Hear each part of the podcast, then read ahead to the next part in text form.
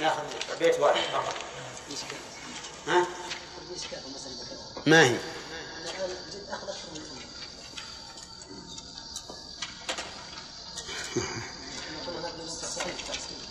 أي. نعم. نعم. نعم الآن ما أخذت. لا لا لا كثر ولا ولا ولا مثل نصف. أخذت أكثر من النصف هو كم أخذ؟ أخذ خمس من اثنى عشر وهي أخذت أربع من اثنى عشر. فلم تقاسمه مقاسمة من كانوا في درجة واحدة لأنه أخذ أربعة من تسعة. ولو قاسمته مقاسمة من كانوا في درجة واحدة ها؟ لأخذ ثلاثة. لأخذت ثلاثة من تسعة.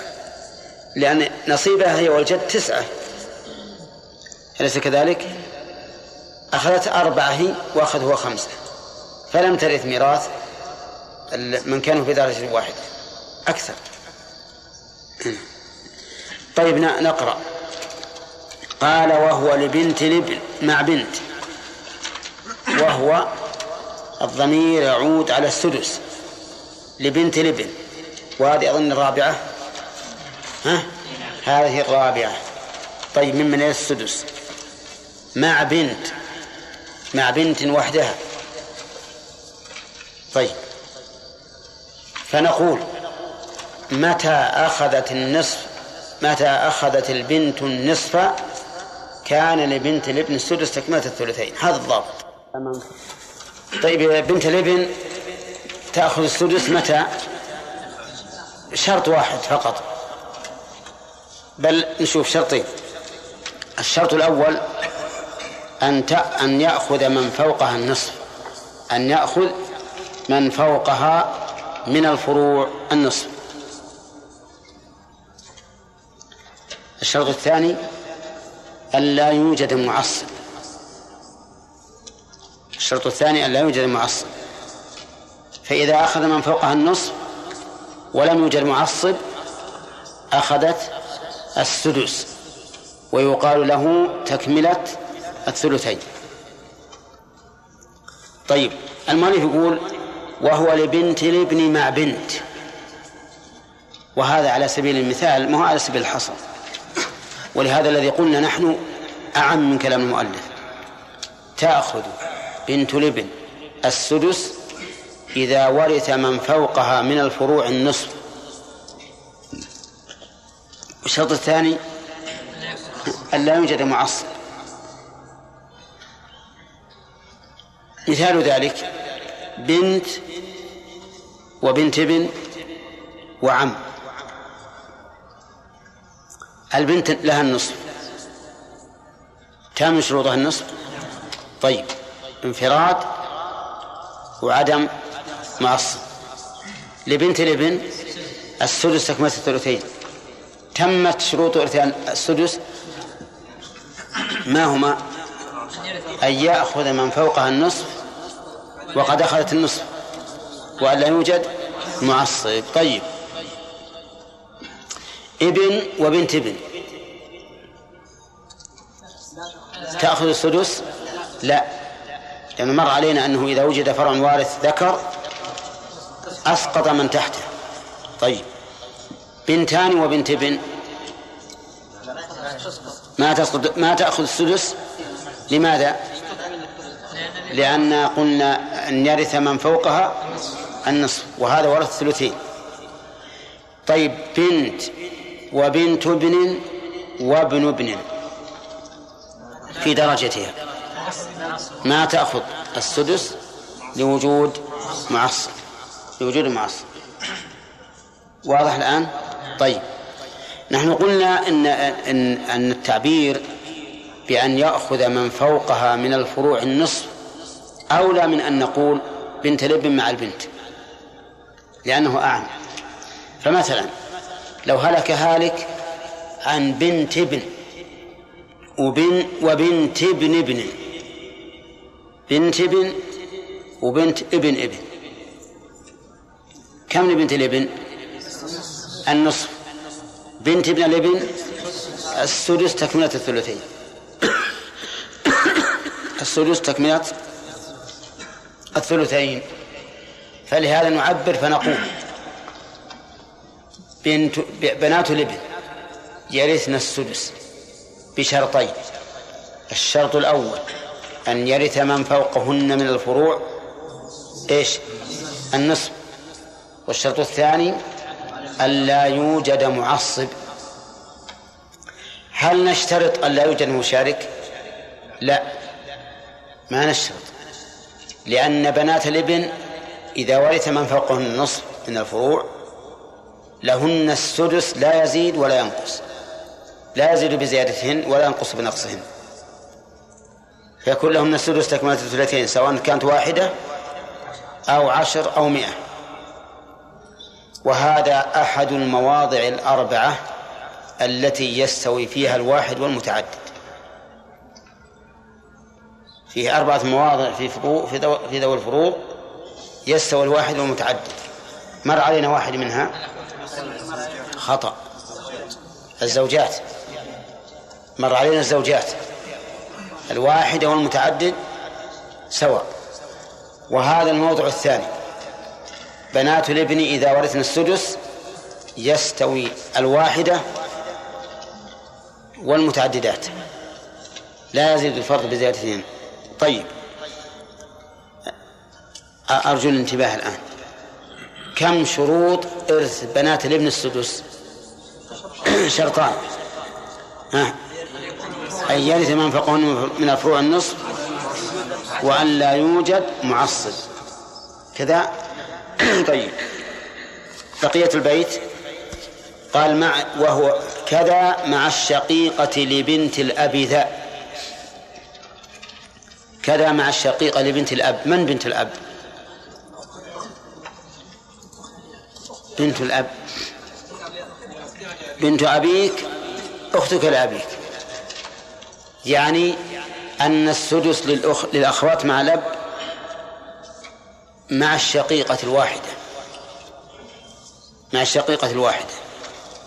فشرط إرث الأخوات لأب السدس اثنان. أن ترث الشقيقة النصف وأن لا يوجد معصب. أن ترث الشقيقة النصف وأن لا يوجد معصب. ومعلوم أن الشقيقة لا ترث النصف إلا بأربعة شروط كما مر. فإذا تمت الشروط الأربعة وورثت الأخت الشقيقة النصف فإن الأخت لأب لها السدس تكملة الثلثين. الشرط الثاني أن لا يوجد معصب. فإن وجد معصب لم ترث السدس. مثال ذلك هلك عن أخت شقيقة وأخت لأب. للأخت الشقيقة النصف وللأخت لأب السدس تكملة الثلثين. واضح؟ هل يشترط أن لا يوجد مشارك؟ لا لا يشترط. فالواحدة من الأخوات لأب والمتعددات سواء. فإذا هلك عن أخت شقيقة وأختين من أب فلهما السدس السدس تكملة الثلثين. شقيقة وعشر أخوات لأب لهن السدس تكملة الثلثين. كذا ولا لا؟ طيب. وهذا أحد المواضع الأربعة التي يستوي فيها الواحد المتعدد. مر علينا ثلاثة. الزوجات. اثنين. نعم اثنان. الزوجات. وبنات الابن إذا ورثنا السدس والأخوات لأب إذا ورثنا السدس. فإذا قال قائل أين الدليل على ما ذكرتم من هذا من هذا الإرث؟ قلنا الدليل من القرآن والسنة. الدليل من القرآن ومن السنة. أما من القرآن فقوله تعالى فإن كن نساء فوق اثنتين فلهن ثلثا ما ترك. فجعل للنساء من من الأولاد إيش؟ الثلثين الثلثين. الثلثين. فإذا كان جعل للثنتين فأكثر الثلثين فإننا لا يمكن أن نزيد إذا أخذ إذا أخذ البنت النصف. لا يمكن أن نزيد عن الثلثين للبنات. وش يبقى إذا إذا ذهب النصف من الثلثين؟ يبقى السدس. ولهذا نقول السدس تكملة الثلثين.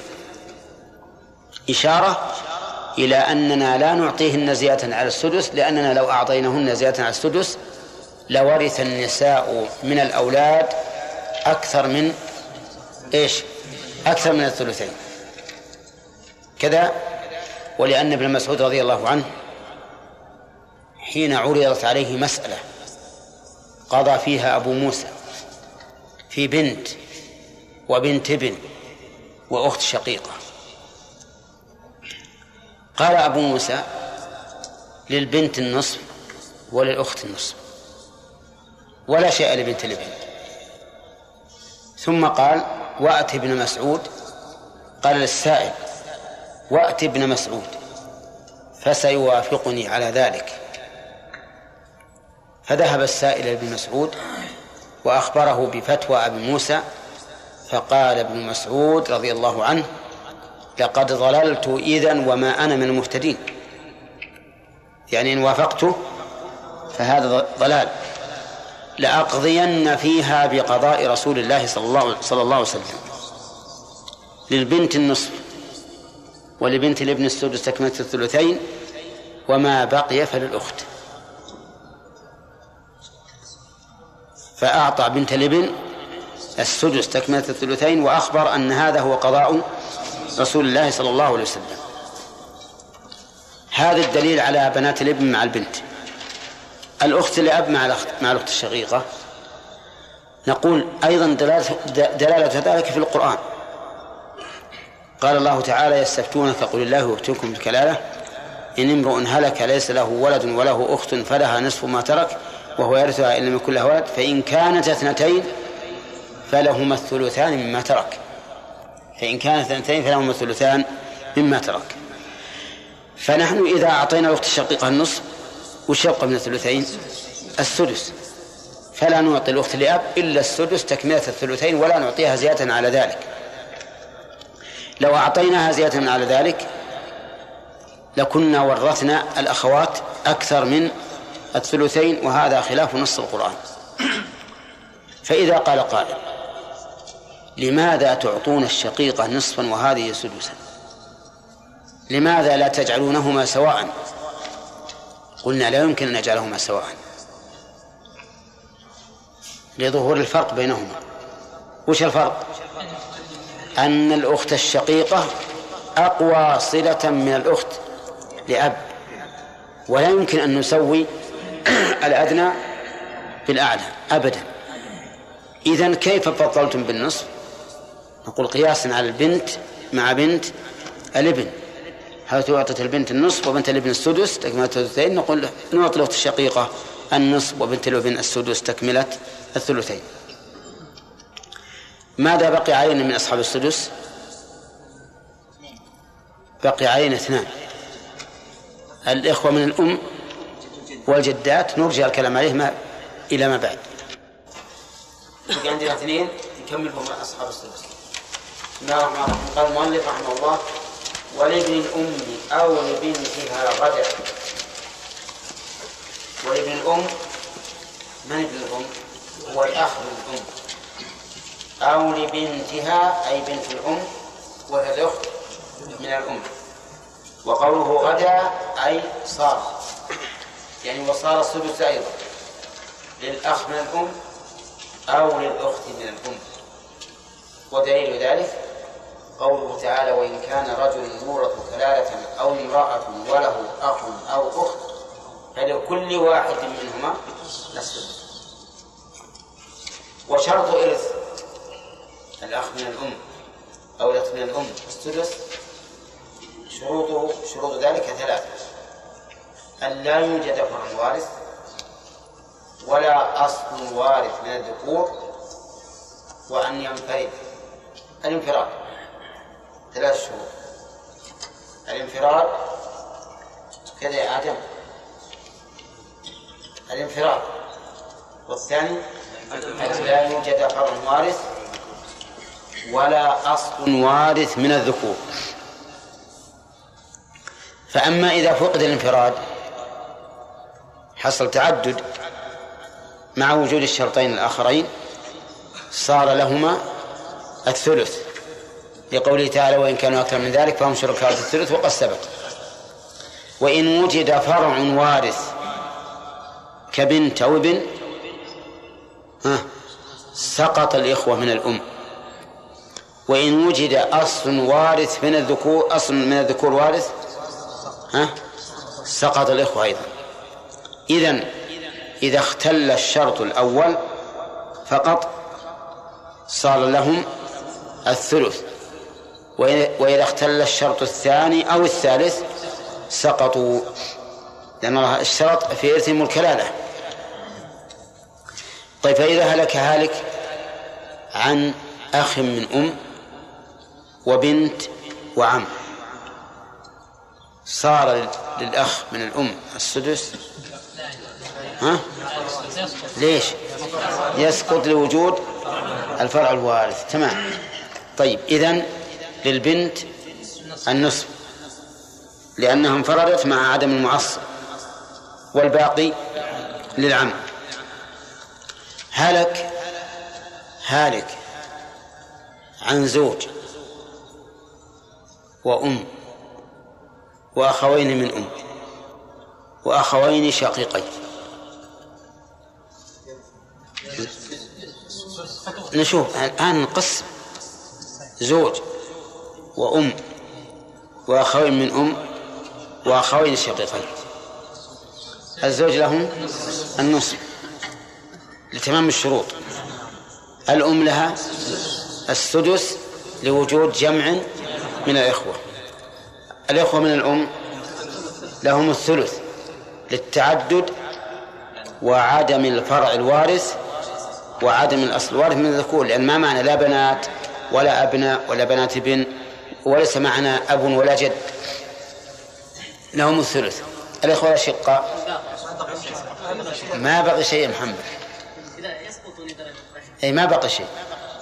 يسقطون. أي نعم. الإخوة الأشقاء يسقطون. واضح؟ لأن لأن النبي صلى الله عليه وسلم قال ألحق الفرائض بأهلها فما بقي فهو لأولى رجل ذكر. وهنا ألحقنا الفرائض بأهلها ولم يبق شيء. فلا يكون لهم ميراث. وهذا لو تسأل لو تخبر العام بهذا الحكم ها لا أمسك رأسه بيديه. وقال اللهم صل على محمد. كيف الأشقة ما يرثون وأولاد الناس يرثون؟ الأخوة من الأم؟ أخوة الأشقة اللي من أمه وأبيه لا يرثون. وأخواته من وإخوانه من أمه يرثون. نعم. ربما ينكر العام هذا. يقول ما ما يصير هذا. فبماذا نجيبه؟ نجيب ذلك حكم الله. والله عز وجل يقول آباؤكم وأبناؤكم لا تدرون أيهم أقرب لكم نفعا فريضة من الله. نحن مشينا على ما فرض الله. نعم. وهو حق. طيب على كل حال الإخوة من الأم يرثون السدس بثلاثة شروط. السدس نحن في باب السدس عيد. يرثون السدس بثلاث شروط. إيش؟ الانفراد عدم فرع الوارث عدم الأصل من الذكور الوارث. واضح؟ طيب. الانفراد ضده التعدد أو الجمع. إذا كانوا جمعا لم يكن لهم السدس بل لهم الثلث.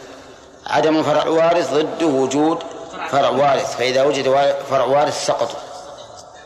عدم الوارث من الأصل الوارث من الذكور ضده وجود الوار... الأصل الوارث من الذكور فإذا وجد سقطوا. لم يكن لهم شيء.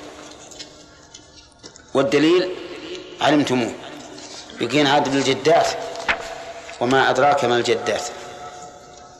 قال وجدة واحدة فصاعدة.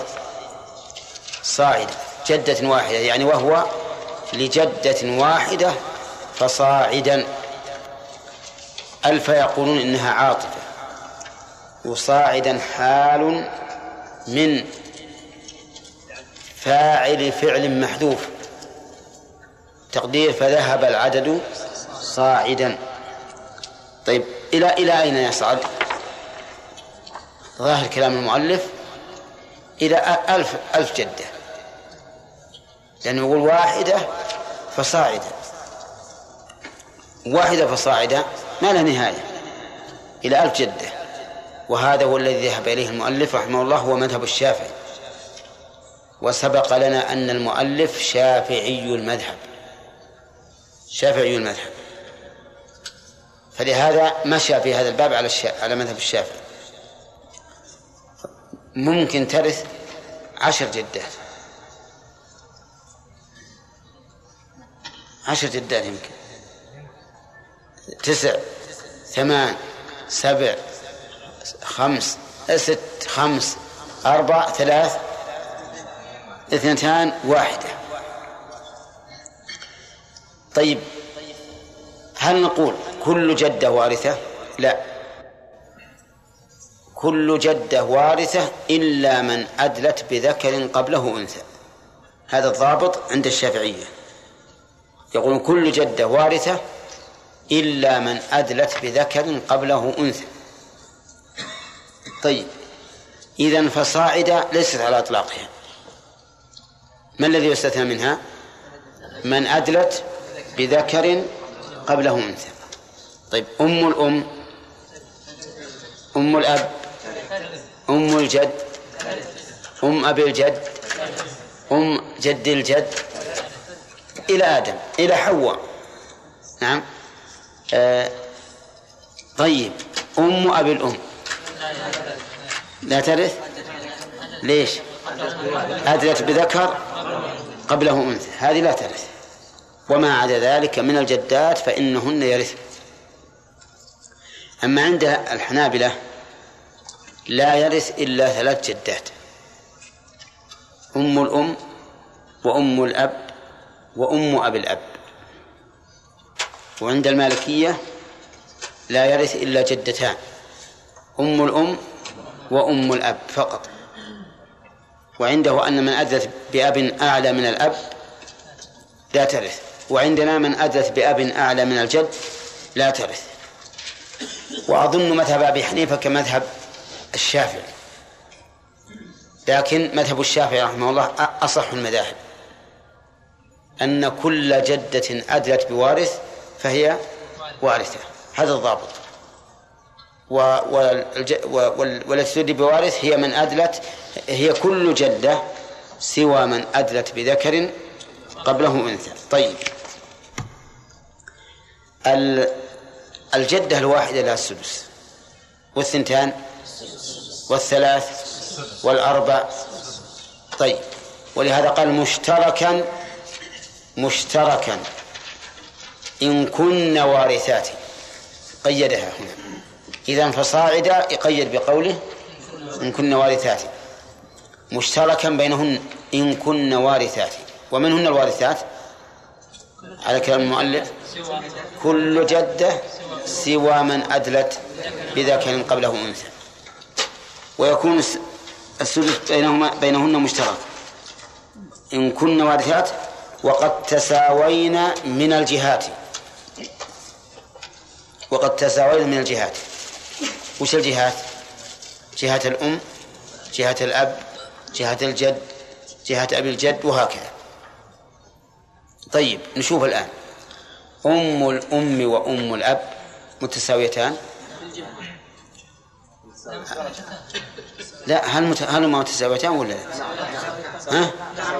أم الأم وأم الأب. طيب مثال آخر. أم الأم وأم الأب وأم الجد. متساويات متساويات الثلاث؟ آه. أين الأبعد؟ إذا لو مات عن أم أم أم. لو مات الشخص عن أم أم. وأم أب وأم جد فلا ميراث لأم الجد. لماذا؟ لأنها بعيدة لأنها بعيدة. طيب أم أم أم أم أم وأم أم أب وأم جد. ها؟ سويات؟ تأكد هل متساويات ولا لا؟ أم أم أم. كم ذولي طيب. أم أم أب. ها؟ ثلاث درجات. أم جد. درجتين؟ لأن جد نقول أم أب أب. أم أب أب. إذا متساويات. طيب. أم أمي. أمي أم. طيب أم أمي أمي أب. متساويات أم جد. أم جد. أم الجد تقرب إذا تحجب الثنتين. ولا لا لأنها أقرب. ولكن استمع. واحجب بقرب الأم بعدا لأبي. بعد لأبي لا عكسه وهو صحيح المذهب. شوف القربى تحجب البعد. إذا كانت البعد من جهة الأب فإن كانت البعد من جهة الأم لم تحجبها القربى من جهة الأب. واضح؟ طيب. نحن عندنا قاعدة. القربى تحجب البعد. كذا إلا إذا كانت البعد من جهة الأم فإن القربى من جهة الأب لا تحجبها. يعني يفضلون قرابة الأم يفضلون قرابة الأم. فالقاعدة في الجدات أن البعد أن القربى تحجب البعد إلا أن تكون البعد في جهة الأم. فإن القرب من جهة الأب لا تحجبها. يقول مؤلف احجب بقرب الأم بعد لأبي. فهنا حجبنا البعيدة بالقريبة. لا عكسه يعني لا تحجب بقرب الأب بعدا بعدا للأم. ثم قال كذلك إيش؟ كذاك بعد جهة بالقربى تنال فيما رجحوه حجبا. نعم. فالقاعدة إذن أن القريبة منهن تحجب البعيد البعيدة. إلا أن تكون البعيدة في جهة الأم. فإن فإن القريبة في جهة الأب لا تحجبها. ثم قال كذاك بعد جهة بالقربى تنال فيما رجحوه حجبا. إذا كنا في جهة واحدة فإن القربى تحجب البعد. كأم أب وأم أم أب. فهنا تحجب القريبة تحجب. وهذا واضح. لأنه إذا كانت القريبة في جهتين تحجب البعيدة فحجب القريبة في جهة واحدة للبعيدة من باب أولى طيب أمي أم وأم أم أم القريبة تحجب كذاك بعد جهة بالقربى تنال فيما رجحوه حجبا. وكل مدل. نخلي هذا البيت الآخر وبهذا تمت آه، تم الذين يرثون السدس. نبدأ به من الأول. الأب والأم والجد بنات الابن الأخوات الأب الإخوة من الأم الجدات.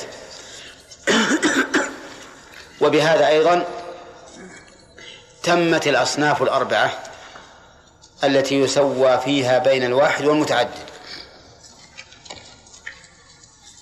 تم بعد الجدات بعد الجدات وقد سبق الزوجات وبنات الابن إذا ورثنا السدس والأخوات الأب إذا ورثنا السدس. هؤلاء الأربعة أصناف يسوى فيهم بين الواحد والمتعدد طيب نبدأ مناقشة. الأب متى يرث السدس؟ ما شرط يرث السدس صالح؟ أن يكون مع نعم معه فرع وارث. ذكر أو أنثى؟ نعم. ذكر أو أنثى. طيب.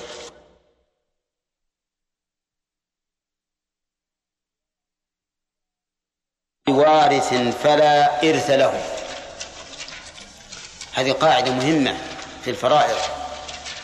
كل مدل بغير وارث فلا إرث له. أفهمتم القاعدة؟ كل مدل بغير وارث فلا إرث له. لماذا؟ لأن المدلي بالشخص فرع عنه. فإذا لم يكن للأصل إرث فالفرع المبني عليه من باب أولى. مثال ذلك أم أبي أم. أم أبي أم. نقول ليس لها ميراث. لماذا؟ لأنها مدلية بأم بأبي الأم. وأبو الأم ليس له ميراث. لماذا ليس له ميراث؟ لأنه ذكر من الأصول أدلى بأنثى. ذكر من الأصول أدلى بأنثى. عرفتم؟ طيب. وإن شئتم فقولوا.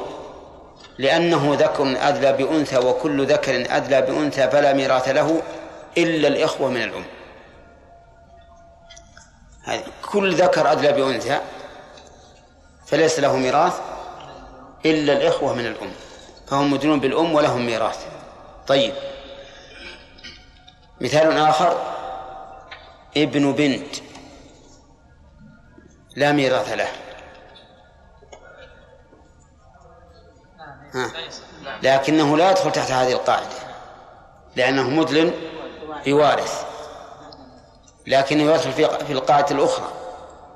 أن من أدلى بأنثى من الفروع فليس له ميراث. طيب. ابن بنت بنت. هذا يدخل في القاعدة لأن بنت البنت لا ميراث لها. فهو لا ميراث له. ابن عمه لا ميراث له. لأن العمة لا ميراث لها فابنها لا ميراث له. هذه قاعدة كل من أدلى بوارث بغير وارث فليس له ميراث. طيب في قاعدة ثانية ما ذكرها المؤلف لكنها نذكرها. كل من أدلى بشخص حجبه ذلك الشخص. كل من أدلى بشخص حجبه ذلك الشخص إن كان المدلي يقوم مقامه عند عدمه. إن كان المدلي يقوم مقامه أي مقام المدلى به عند عدمه.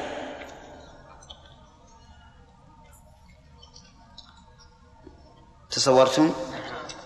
كل مدل بشخص فإنه يحجب بذلك الشخص. إن كان المدلي يقوم مقامه عند عدمه.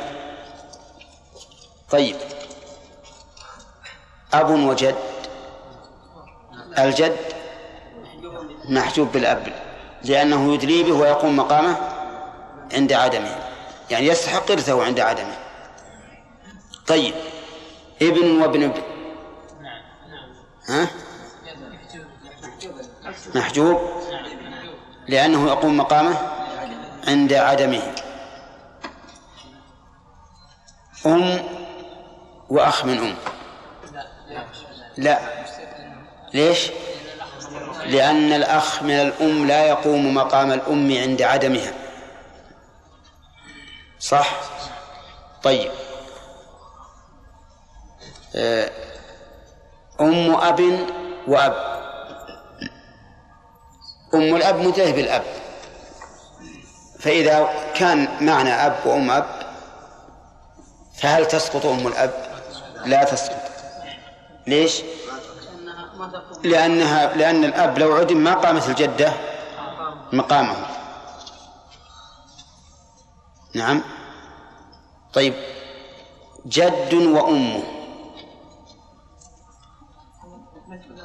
مثله ترث أمه معه. لأنها لا تقوم مقامه عند عدمه. طيب. ربما يقول قائل هذه القاعدة تنتقض ببنت وابن بنت ابن وابن بنت ابن وابن فإنها تحجب بالابن مع أنها لا تقوم مقامه عند عدمه. إذ لو عدم الإبن لورثت بنت الإبن إيش؟ النصف. نعم. إلا بنت ابن وابن.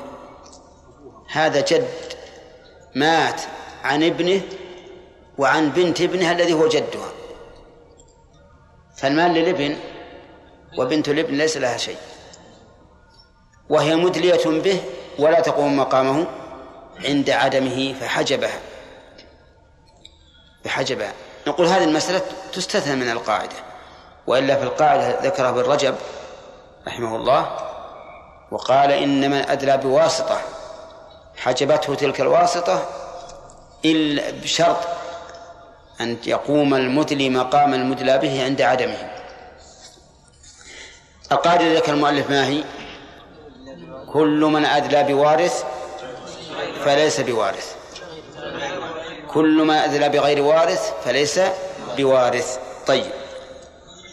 قال ونحن نقول كل من أدلى بوارث حجب به إن قام مقامه عند عدمه. طيب. قال وقسم فرض كمل. الحمد لله. يعني قسمة الفروض كملت الآن. فصار الفروض ستة. نصف وربع وثمن وثلثان وثلث وسدس. كلها كملت. أصحاب النصف خمسة. وأصحاب الربع اثنان. وأصحاب الثمن واحد. وأصحاب الثلثان الثلثين أربعة. وأصحاب الثلث اثنان. وأصحاب السدس سبعة. كذا جمعت في قول الشاعر الحروف الأبجدية ضبط ذوي الفروض من هذا الرجز. مرتبا خذه وقل هبا دبز هبا دبز كلمة هبا دبز ما له معنى. بس حروف مرصوف بعض على بعض من أجل العدد. مثل قول أهل التجويد حروف القلقلة مجموعة في قولك قطب جد. وش معنى قطب جد هذا يقول هي ما لها لفظ ما لها معنى لكنها حروف قرن بعضها ببعض للاختصار. هبا دبز. الهاء خمسة. والباء اثنان. والألف واحد والدال والباء اثنان والزاي سبعة الزاي سبعة اي نعم. أبجد هوز. أبجد. الألف واحد والباء اثنين والجيم ثلاثة والدال أربعة والها خمسة والواو ستة والزاي سبعة. نعم. ها؟ كيف؟ الواو مضاعفة وين الواو مضاعف؟ الواو. إي واحد واحدة. مهما مهما كان لو تضاعف عدة مرات فيه سبعة. طيب. كملنا الفروض الآن. هل يمكن أن نلخص هذه الفروض؟ بإعطاء كل واحد منهم على حدة. لأن أصحاب الفروض انقسم الفرضيون فيهم إلى قسمين. قسم يتكلم عن صاحب الفرض على جميع أحواله. وقسم آخر يتكلم عن الفروض ومن يرث بها. وأيهما أحسن؟ الأول أحسن. أولا لأنه أجمع. يعطيك حالة الأب جميع حالة الأم جميع حالة الزوجة جميعا و وهذه هي طريقة القرآن. فإن الله تعالى إذا ذكر وارثا ذكر جميع أحواله. فهي أنفع وأجمع مع أنها طريقة القرآن. ولنبدأ الآن. ها؟ وهي أسهل أيضا. الزوج مثلا له حالان نبدأ الآن نلخص. الزوج له حالان حال يرث الربع وحال يرث النصف. يرث الربع مع وجود الفرع الوارث والنصف مع عدم الفرع الوارث. انتهينا. الزوجة لها حالان ترث الربع وترث الثمن. ترث الثمن مع وجود الفرع الوارث والربع مع عدم الفرع الوارث. نبدأ بالأم. الأم لها ثلاث حالات. ترث الثلث وترث السدس وترث ثلث الباقي. ترث السدس مع وجود الفرع الوارث أو جمع من الإخوة. وترث ثلث الباقي في العمريتين وترث الثلث مع عدم الفرع الوارث والجمع من الإخوة. شوف واضح. طيب الأب له ثلاث حالات. يرث بالفرض فقط وبالتعصيب فقط وبهما جميعا. يرث بالفرض فقط مع ذكور الفرع الوارث. يرث بالفرض فقط.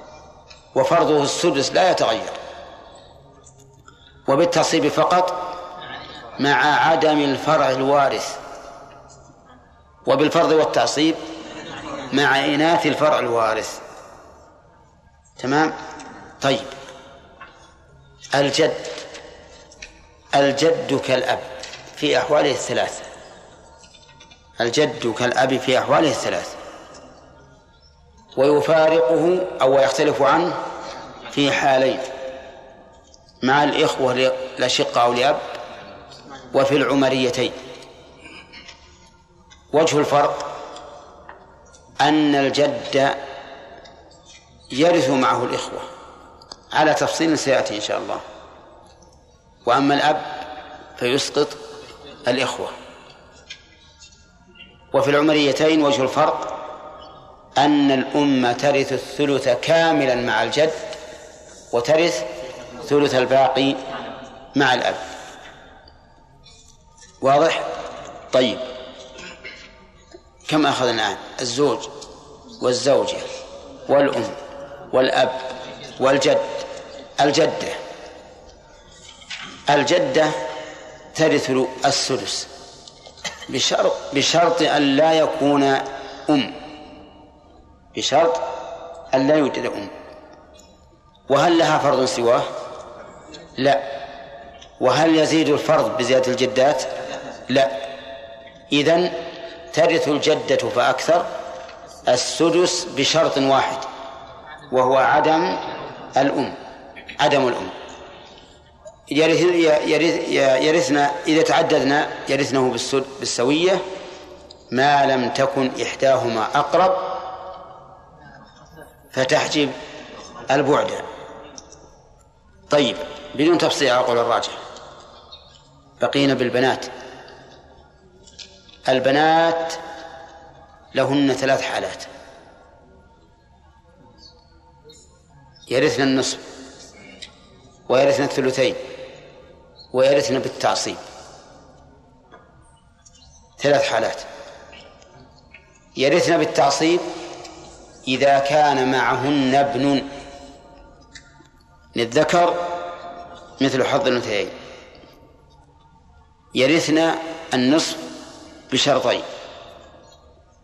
هما الانفراد وعدم المعصب. يرثن الثلثين بشرطين التعدد وعدم المعصب. بسيط هذا. طيب بنات الإبن؟ بنات الإبن لهن ثلاث حالات نشوف أو أربع. يرثن النصف ويرثن الثلثين ويرثن السدس تكملة الثلثين ويرثن بالتعصيب.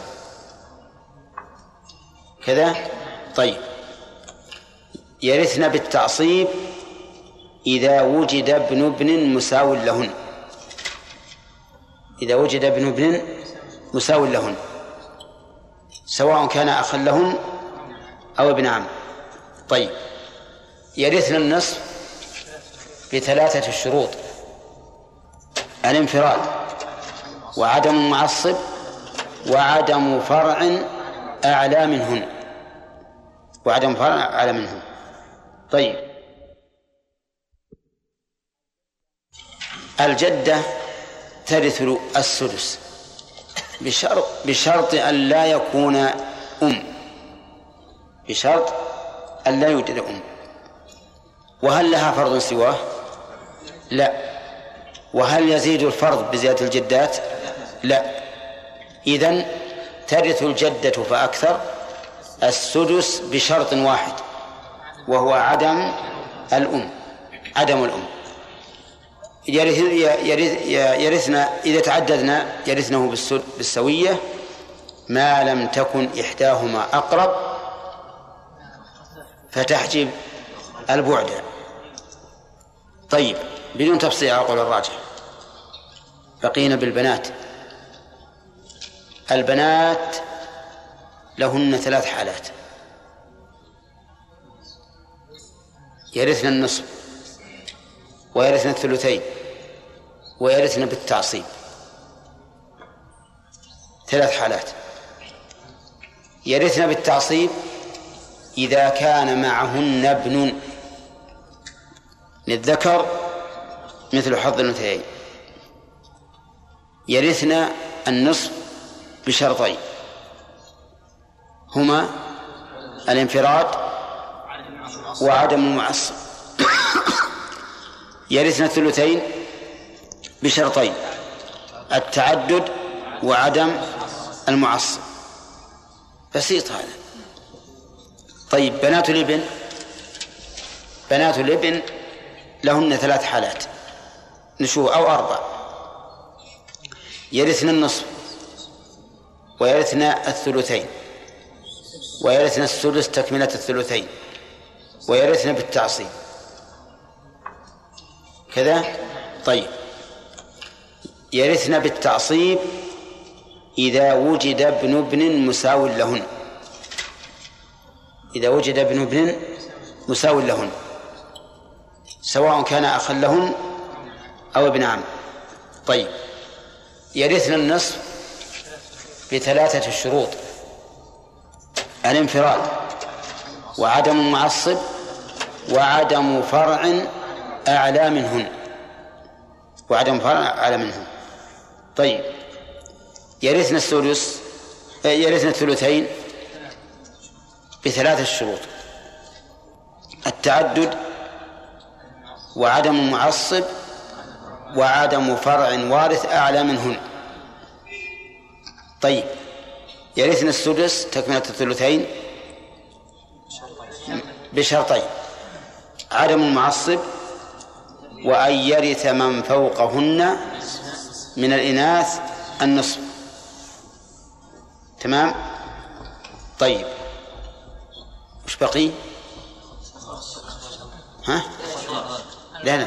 خلصنا هذولي؟ النصف والثلثين.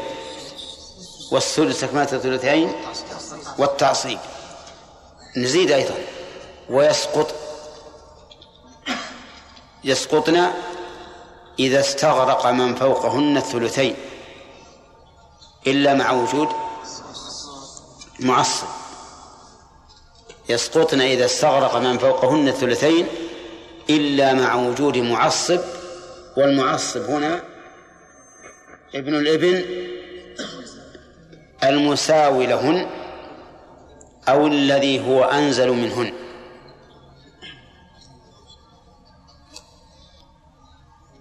كذا قرأنا ها المعصب هنا ابن الابن المساوي لهن أو الذي أنزل منهن فهمتم ولا لا؟ طيب يسقطن متى؟ إذا استغرق من فوقهن ثلثين إلا مع وجود معصب المعصب من؟ ابن الابن الذي بدرجتهن أو أنزل منهن. أما سقوطهن بالذكر فهذا واضح. مفهوم من من من قولنا أن لا يوجد فرع وارث أعلى منه طيب. بقي عندنا الأخوات الشقيقات. الأخوات الشقيقات. يرثن النصف والثلثين وبالتعصيب. يرثن بالتعصيب متى؟ مع وجود الأخ الشقيق. النصف بأربع شروط. الانفراد وعدم المعصب وعدم الفرع الوارث وعدم الأصل الوارث من الذكور. كذا؟ ها؟ أي. ويرثنا الثلثين. كم شرط؟ بأربع شروط. التعدد وعدم المعصب. ها؟ وعدم الفرع الوارث. وعدم الوا... الأصل الوارث من الذكور. طيب. ويرثنا بالتعصيب؟ قلنا مع وجود أخ شقيق. فيه ما أشار إليه الأخ هداية الله؟ التعصيب مع الغير. إذا إذا وجد إناث من الفروع يرثن بالفرض. وهذه لم نذكرها لأن ستأتي بالتعصيب. الأخوات لأب يرثن النصف والثلثين والسدس تكملة الثلثين وبالتعصيب. ها؟ ويسقطن ولا نقول إلا مع وجود المعصب طيب. يرثنا بالنصف بخمسة شروط الانفراد وعدم المعصب وعدم الفرع الوارث وعدم الأصل الوارث من الذكور وعدم الأشقة. يرثنا الثلثين بخمسة شروط التعدد وعدم المعصب وعدم الفرع الوارث وعدم الأصل الوارث من الذكور وعدم الأشقة. يرثنا الثلث كما الثلثين بشرطين. عدم المعصب وأن ترث الشقيق وأن يرث الأشقة النصف. طيب. يسقطن إذا استغرقت الشقيقات الثلثين. ها؟ إلا مع وجود معصب. والمعصب هو أخوهن. هو أخوهن لا أنزل لا. فابن الأخ لا يعصب عمته. والأخ يعصبها يعني لو هلك هالك عن شقيقتين وأخت لأب وابن أخ لأب. لكان للشقيقتين الثلثان والباقي لابن الأخ لأب ولا ترث الأخت لأب شيئا. ليس ليس كالبنوة لأن البنوة أقوى من الأخوة ولذلك لم يقوى ابن الأخ على تعصيب من؟ عمته. طيب وش بقينا؟ الإخوة من الأم. الإخوة من الأم يرثون الثلث أو السدس؟ يرثون الثلث؟ نعم. أو يسقطون؟ نشوف هذا يرثون الثلث بشرطين بل بثلاث شروط التعدد وعدم الفرع الوارث وعدم الأصل الوارث من الذكور. طيب يرثون السدس بثلاث شروط الانفراد وعدم الفرع الوارث وعدم الأصل الوارث من الذكور. هؤلاء أصحاب الفروض العشرة. نعم؟ وهذا كما قلت لكم أجمع أجمع لطالب العلم. ومع ذلك فإن أكثر الفرضيين الذين الذين كتبوا في الفرائض كتبا مستقلة أكثرهم صاروا يتكلمون على الفروض دون أصحاب الفروض. أما الفقهاء رحمهم الله فكتبوا عن أصحاب الفروض. ففي كتب الفقه يذكرون ميراث الأم بجميع أحواله ميراث الأب بجميع أحواله ميراث الجد كذلك. نعم على طريقة القرآن. أما الفرضيون الذين كتبوا في الفرائض كتبا مستقلة فإنهم يؤلفون على على الفروض. طيب الآن انتهت الفروض. الحمد لله رب العالمين والصلاة والسلام على نبينا محمد وعلى آله وأصحابه أجمعين. قال المؤلف رحمه الله تعالى باب التعصيب والعلم مكتوب عندك الحاء هل عندكم كذلك؟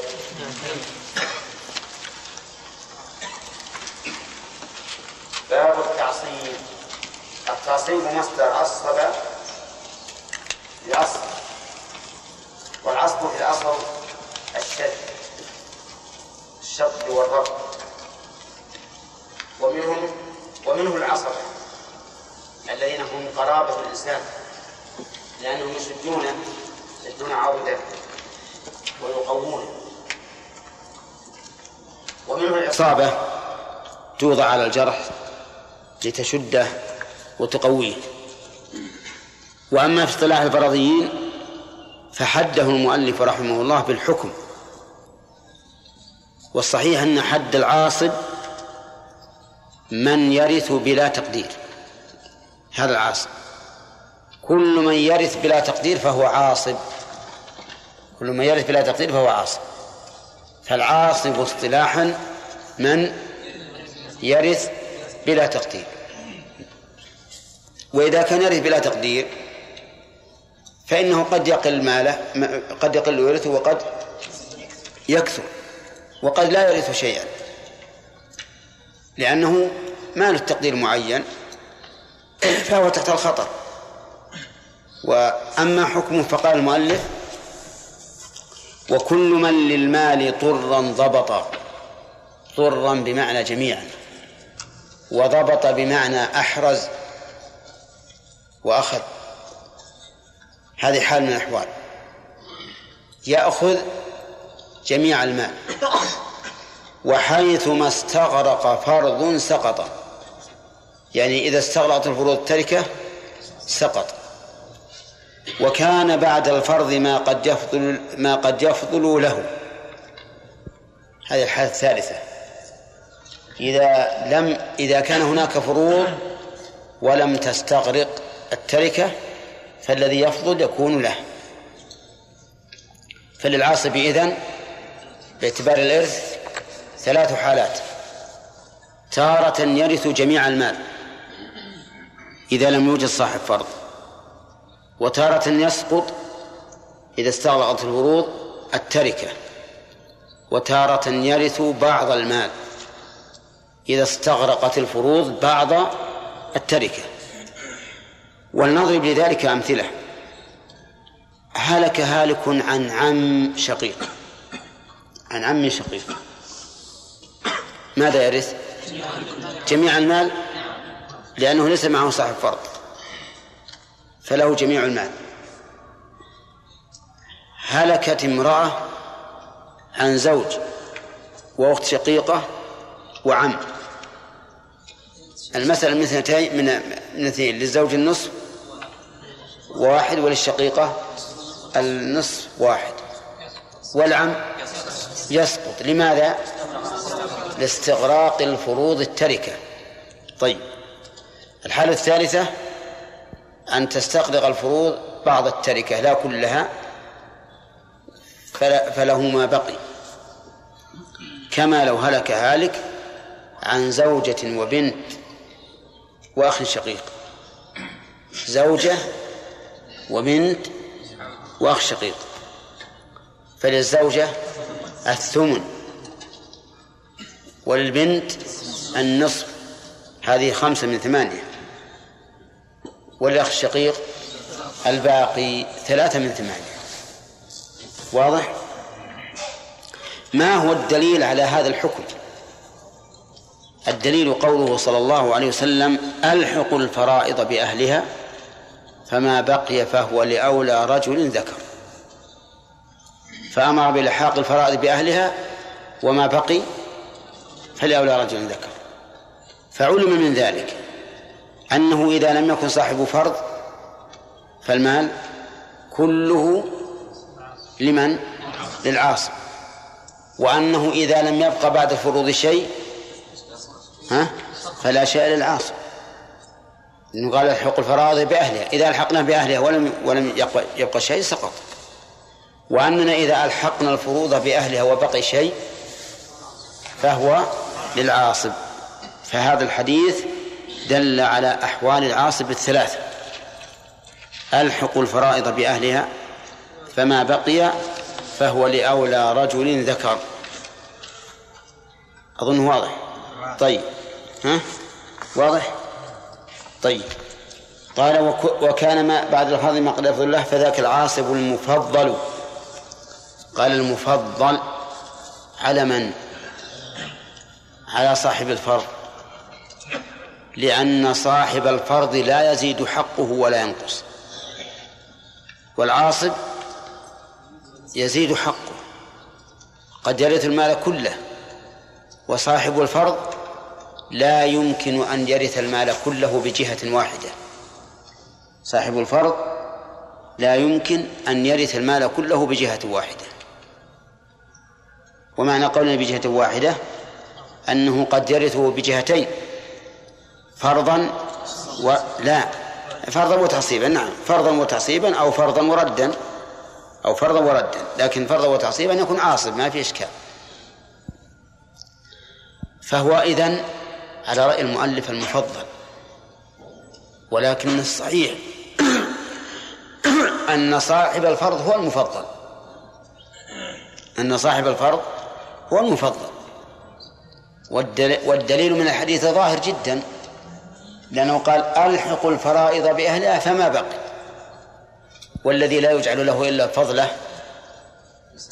مقدم ولا مؤخر؟ مؤخر. فهو مؤخر. ثم إن صاحب الفرض لا يمكن أن يسقط بوجه من الوجوه. حتى لو عيل له لو عيلت المسألة له لم يسقط. كذا؟ ففي أختين شقيقتين وأختين من أم. أختين شقيقتين وأختين من أم وزوج وأم. ها؟ المسألة من ستة. تعول إلى عشرة. فللأختين الشقيقتين الثلثان أربعة. وللأختين من الأم الثلث اثنان. ها؟ وللأم السدس واحد. هذه سبعة. وللزوج النصف ثلاثة. هذه عشرة. شوف الآن كيف تزاحموا حتى صار من له الثلثان ليس له إلا خمسان. صحيح؟ من له الثلثان ليس له إلا خمسان.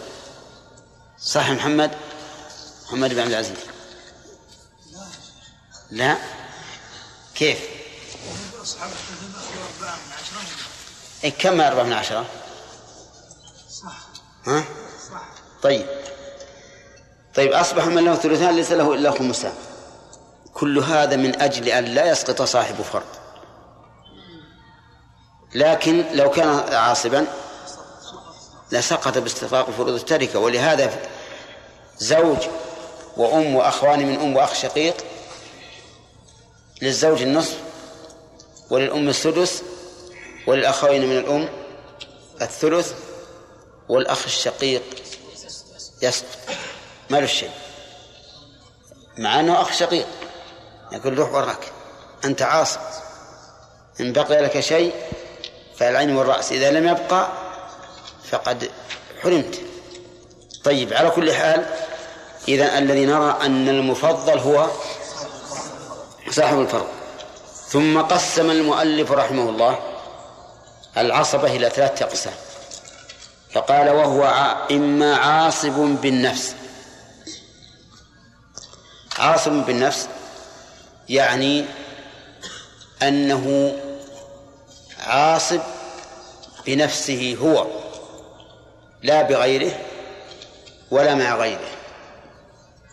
وهذا عاصب والعاصب بالنفس هو الذي يكون عاصبا على كل تقدير أو بالغير.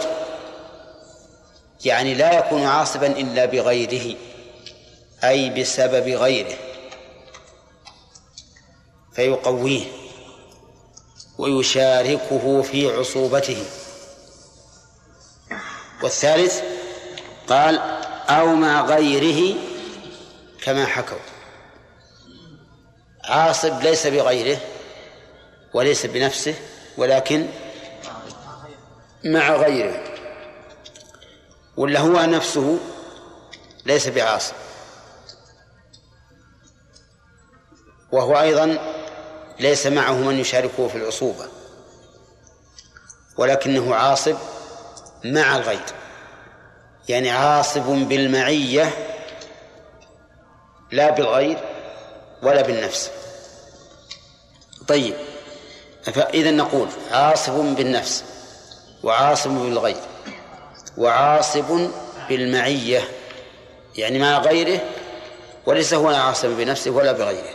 طيب كما حكوا من الفرضيون.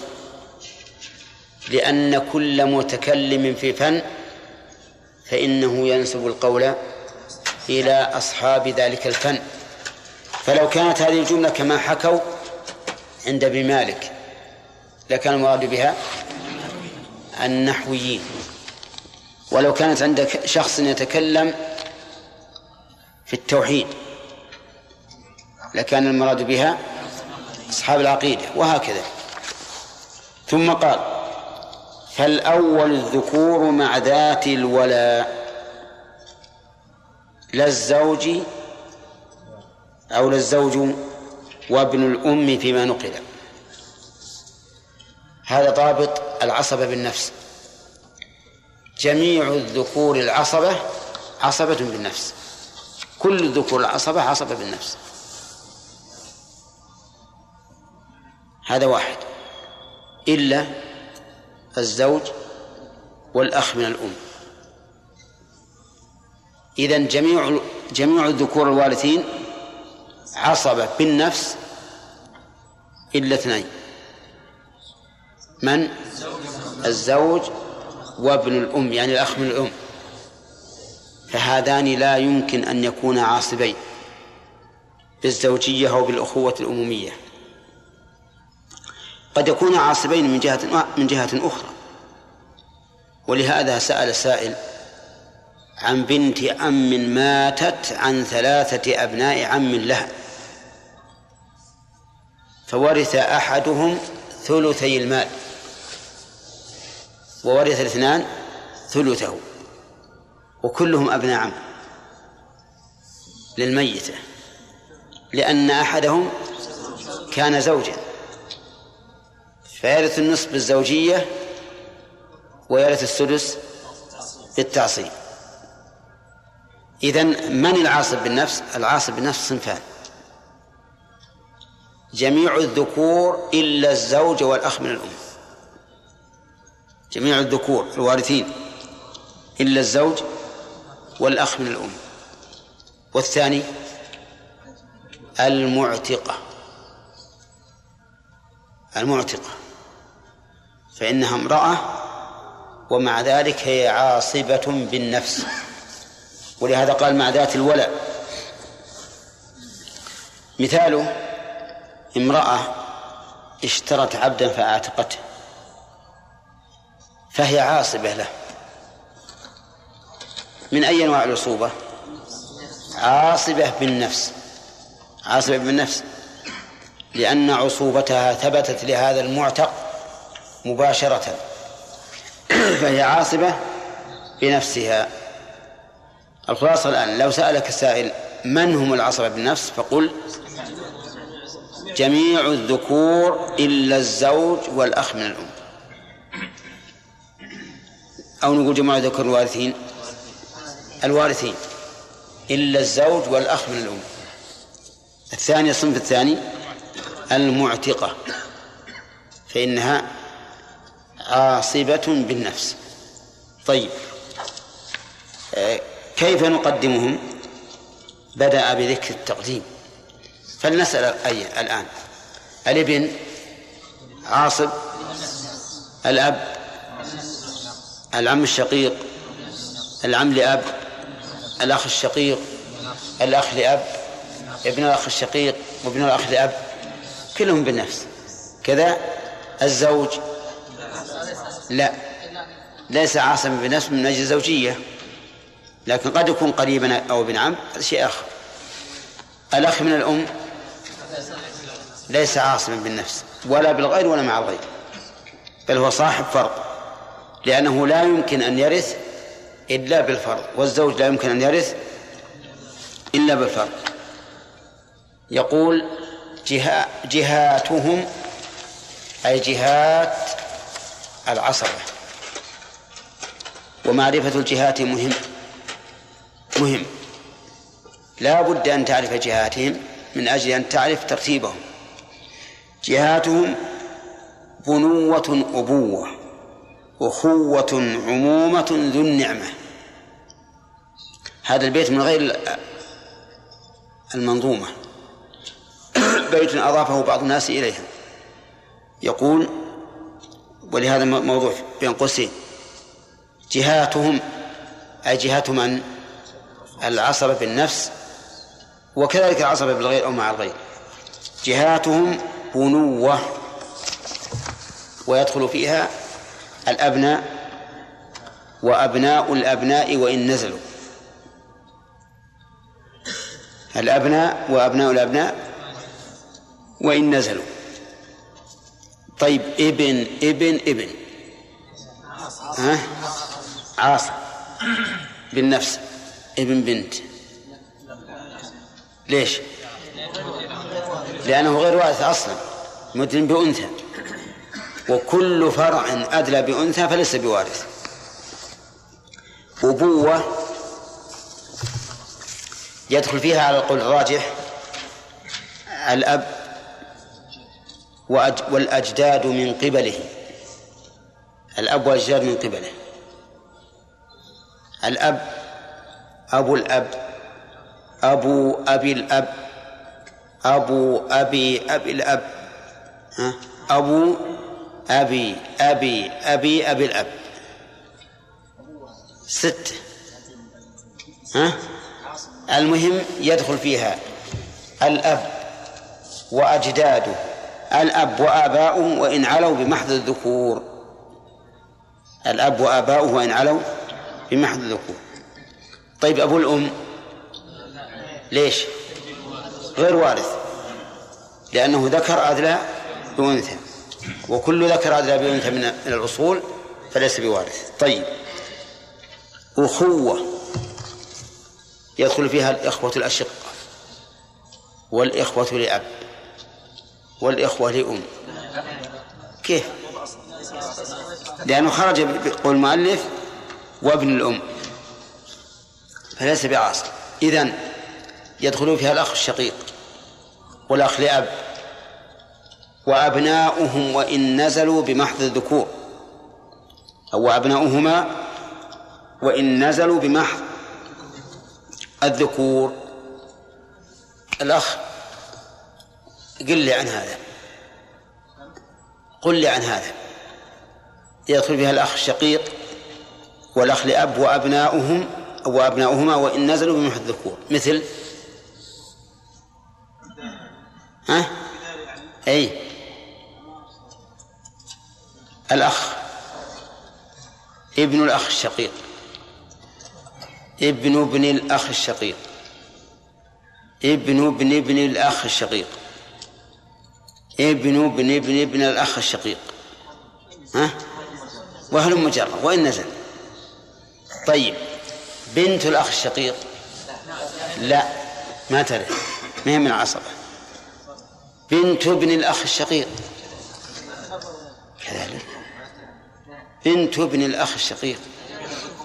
ها؟ آه لأن هذه أنثى. ونحن قلنا يدخل فيها الإخوة الأشقاء. أو لأب وأبناؤهما أو أبناؤهم وإن نزلوا بمحض الذكور. طيب عمومة يدخل فيها العم الشقيق والعم لأب والعم لأم. ليش؟ لأنه أتى بأنثى. وكل واحد من الحواشي أدلى بأنثى فإنه لا يرث إلا الإخوة من الأم. طيب إذن نقول العموم يدخل فيها العم الشقيق العمام الأشقة والعمام لأب وأبناؤهم وإن نزلوا بمحض الذكور. طيب ابن عم شقيق ها؟ بنت عم شقيق. لا ابن بنت عم شقيق. آه هذا غير وارث أصلا. طيب ذو النعمة. من ذو النعمة؟ صاحب الولاء المعتق. لقول الله تعالى وإذ تقول للذي أنعم الله عليه وأنعمت عليه أمسك لك زوجك. فذو النعمة هو السيد الذي أعتق العبد. فإن الأسادة الذين أعتقوا العبيد من العصبة. كم الجهات الآن؟ خمسة؟ البنوة ثم الأبوة ثم الأخوة ثم العمومة ثم الولاء. طيب فمن نقدم قال فابدأ بذي الجهة ثم الأقرب وبعد في القوة بعد واضح بالعين وبعد بالقوة فاحكم تصبي. هذا هذا التقييم نبدأ بذي الجهة. فنقدم أسبقهما جهة. فالعاصب من البنوة مقدم على العاصب من الأبوة. لماذا؟ لأنه أسبق جهة. والعاصب من الأبوة مقدم على العاصب من الأخوة. والعاصب من الأخوة مقدم على العاصب من العمومة. والعاصب من العمومة مقدم على العاصب من الولاء. فنبدأ بالجهة. طيب فإذا هلك هالك مثلا عن أب وعن ابن ابن ابن ابن. فمن العاصب هل من النازل؟ ليش؟ لأن الجهة البنوة لأن جهة البنوة أسبق من جهة الأبوة. يعني فإذا صار أسبق جهة فهو يرحمك الله فهو أولى بالتعصيب وإن نزل. واضح يا جماعة؟ طيب. يقول آه، ومثال آخر. أخ شقيق. و وأبو جد. ها. نقدم أبا الجد لأنه أسبق أسبق جهة. طيب. ثم بعد ذلك إذا كانوا في جهة واحدة نقدم الأقرب. ولهذا قال ثم الأقرب. فنقدم الأقرب. فمن الأقرب؟ هو الذي يتصل بالميت أولا. هذا هو الأقرب. الذي يتصل بالميت أولا. فإذا هلك هالك عن ابن ابن ابن ابن ابن ابن أخ. كم ذولي؟ لا أظن سبعة. ها؟ ابن ابن ابن ابن ابن ابن ابن ها؟ سبعة ابن أخ ها؟ طيب وعن ابن عم لا مو عن ابن عن عم لأنه أسبق جهة أسبق جهة كذا طيب ولو هلك عن ابن ابن ابن ابن ابن ابن ابن ابن ابن ابن عم للأب. وابن وابن عم جده. ابن عم جده. ها؟ لابن لابن العم النازل؟ انتبهوا يا اخواني وين أنتم ابن عم أبيه النازل. يعني أبوه له عم فأبناء العم النازل هذا وفيه ابن عم جده. ابن عم جده. ها؟ ابن عم جده مباشرة. ها؟ لابن عم الأب النازل؟ لأنه أقرب منزلة. الجهة واحدة كلها عمومة. لكن لكن ابن العم النازل أقرب منزلة كيف؟ ليش أقرب منزلة؟ لأن عم أبيه يلتقي بأبيه بجده ولا لا؟ وعم جده يلتقي بأبيه بأبي جده ومن التقى بك بجدك أقرب ممن التقى بك بأبي جدك ولهذا ذكر صاحب زاد المستقنع قاعدة في هذا. قال لا يرث بنو أب أعلى مع بني أب أقرب وإن نزلوا. هذا ضابط. لا يرث بنو أب أعلى مع بني أب أقرب ولو نزلوا. فلا يرث أبناء الجد مع أبناء الأب. ولهذا نقول إن ابن ابن ابن ابن, ابن أخ شقيق أولى من عم شقيق. أولى من عم الشقيق طيب هلك هالك عن ابن ابن وابن ابن آخر. المال بينهما. ابن ابن وابن ابن ابن آخر. للأول لأنه أقرب منزله. طيب. يقول المؤلف رحمه الله وبعد بالقوة فاحكم تصبي انتهى الوقت.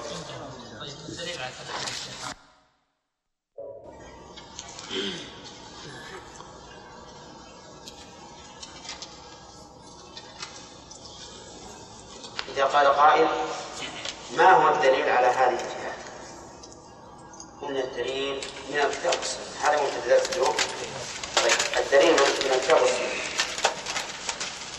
أما القرآن فقال الله تعالى ولأبويه لكل واحد منهما السدس مما ترك إن كان له ولد.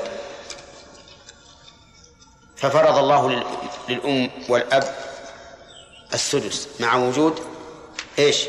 مع وجود الولد. إذن الأب ليس له مع مع, مع الابن إلا السدس.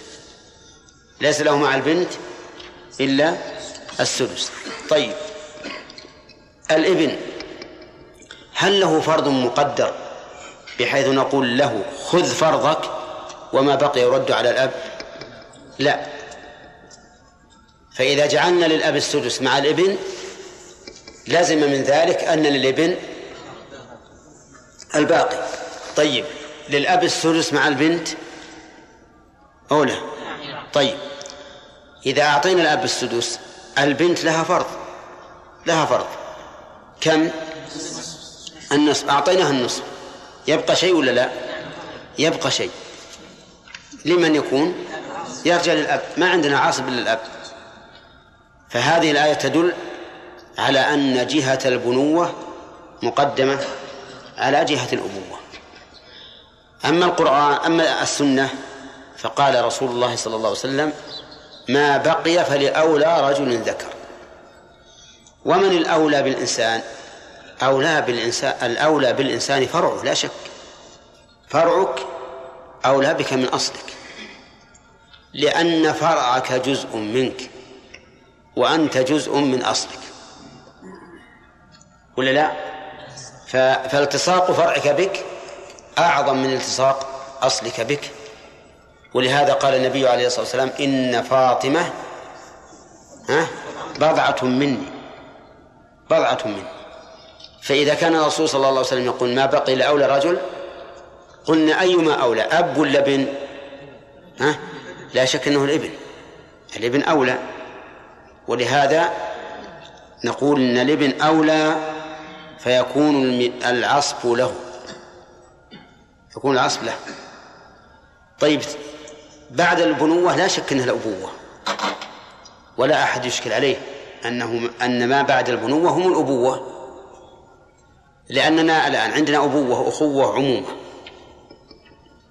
الأبوة أنت متفرع منه. والأخوة لم تتفرع منه. فأنت متفرع من أبيك. والأخوة متفرعون من؟ لا. من أبيك؟ من أبيك. ولا لا؟ لكن لا شك أن أن تفرعت منه أولى من الذي تفرع ممن تفرعت منه. صح ولا لا؟ إذن فالأبوة ظهر أنها مقدمة على الأخوة. طيب نأتي الأخوة والعمومة. فلأولى رجل. الأخوة تفرع من أبيك والعمومة تفرع من جدك. وأيما أولى بك من تفرع من أبيك أو من تفرع من جدك. لا شك أن من تفرع من أبيك أولى بك ممن تفرع من جدك. طيب. الولاء بعد العمومة. لا أحد يشك أن العمومة ألصق بالإنسان من الولاء.